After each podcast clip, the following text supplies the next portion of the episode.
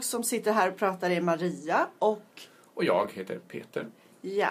Och jag har en fundering som har kommit upp till ytan eftersom jag har läst en bok som jag gillar väldigt mycket. Och det gör man ju ofta, gillar böcker. Men det här var en bok av en författare som jag har försökt läsa tre tidigare böcker av. Mm. Nu kanske du undrar varför jag försöker. Mm. Ja, det gör jag. Jag vet. Men det är så här att hon är född i Östberlin. Och det handlar om Tyskland. Och jag läser allt som handlar om Tyskland. Det känns så rätt. Då. Det kändes rätt. Det kändes som att jag sk- borde tycka om den här boken. Eller de andra böckerna då av henne. Mm. Ja, men men, den känslan förstår jag. ger du upp tidigare? En bok tar jag och sen får det vara klart. Du läser aldrig något Men jag mer? läser nästan ingen mer även om jag gillar den jättemycket. Jaha. Alltså du läser inte alla Nej, men jag böcker av har, en nej, författare? nej, jag har nog suttit pricka avtänkt tror jag. Att säga, Aha. jaha, då har jag läst den här författaren och sen går jag till nästa. Det finns ju så många. Jaha, jag gör ju tvärtom. Ja. Alltså gillar jag en författare då ska jag läsa allt av den författaren. Ja, jag förstår. Nej, Jag har inte riktigt den eh, grotta ner mig i personligheten. Nej. Jag önskar att jag hade det för det verkar så mycket roligare och, och kunna väldigt mycket om en sak. Okej. Men det är mer så här, men nu ska jag läsa det här istället. Och sen Ja. läser man något dåligt istället för att fortsätta på någonting som antagligen hade varit bra.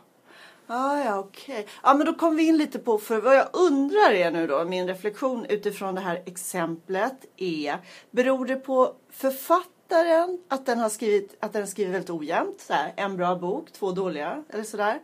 Eller beror det bara på mig som läsare? Oj, det här är en djup fråga. Nu frågar du lite fel person här som bara hoppar vidare. Men Ja, men, Men, eh, ändå alltså. Men liksom rent k- konkret, rent bokstavligen.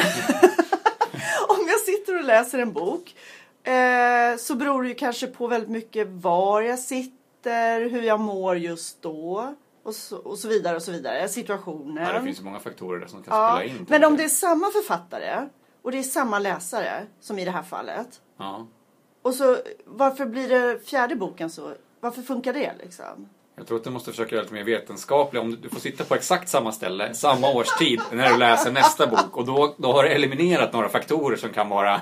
Det var inte vädret, mår likadant, sitter på samma ställe. Då kan det ju vara författaren. Okej. Men då kanske du har hunnit mogna ett år och börjat Just få andra det. intressen och inte vet jag. Det Ja, det så, kan ha hänt massor. så det är olösligt. Får jag Ja. slänga in en teori? Ni, ni kan Ja. inte få bort min röst, men som ni kan få använda. Kanske Stockholmssyndromet.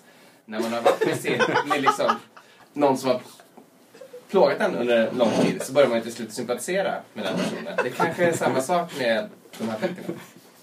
Ja, det var en bra teori tycker jag. Eh, fast jag vill inte tycka så. För att, eller jag vill inte anamma den teorin därför att den var bra den här boken som var bra. Som, som är jag du läste. säker på att den Mm. var bra? Ja, jag är säker på att den var bra. För hade det varit en annan författare, om jag hade läst den och, ingen, och inte jag hade sett vilken författare det var, så skulle jag tyckt den var bra ändå. Vill du peka ut eh, författaren? Ja, Jenny Erpenbeck, Mm. en tysk författare som anses som Tysklands främsta författare. Och eh, den här boken som jag tycker så mycket om heter All...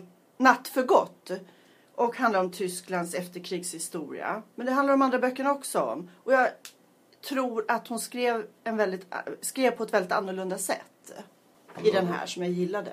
Då har du ju kanske redan svaret. Ja, men det kan det vara så enkelt? Fast jag tycker att de... Alltså, jag Skriver vet inte. författare så olika? Nej, Jag tycker inte att de gör det. Jag tycker att det brukar vara väldigt... Eh, alltså man har ett ämne som man kan skriva om och som de flesta skriver om det om och om igen på lite olika sätt. Kanske med några undantag, men jag tycker att... Ja just det, tematiken är lika, men det är det i alla hennes böcker. Ja. Men, hon, men hon har tydligen skrivit den så olika då, rent språkligt, uppläggsmässigt Ja, ja, och, och okej. genremässigt. Nej, jag vet inte. Jag tycker inte det alltså. Men det är en teori. Ja, Jag tror att det här är en väldigt olöslig fråga. alltså jag tror inte att du ska skylla på dig själv. Jag tror att du ska skylla på... Det är kombinationen. Det är som att blanda två goda grejer. Det blir ju inte alltid gott. Okej. Men då, är, jag kom på en fråga nu som jag tycker är som vi kan behandla i hundra poddavsnitt. Ja. Ska man ge en författare fler chanser än en? Ska man vara trogen en författare? För sån är jag. Alltså jag är ju inte det. det är Nej, jag vet. jag tycker det finns för många författare kanske, är mitt svar. då. Ah. Men samtidigt, om jag hade skrivit fem böcker så vill, skulle jag gärna vilja att du gav mig i alla fall två chanser. Två kan man, Två. två kan man ge. Bra. Det tycker jag. Två. Ja, Men det här var ju fjärde försöket som blev bra. ja då, Men det då var visar för jag att mycket. Du är extra sympatisk bara med författare. Du står på författarnas sida. Ja, det gör jag. Absolut. Jag står på, jag vet inte, Läsarens sida. läsarens sida kanske. Ja. Men två är det gyllene talet. Det kan, det kan vi enas om i alla fall. Vad kul. Kul, bra. Tack. Tack för idag. Tack för idag.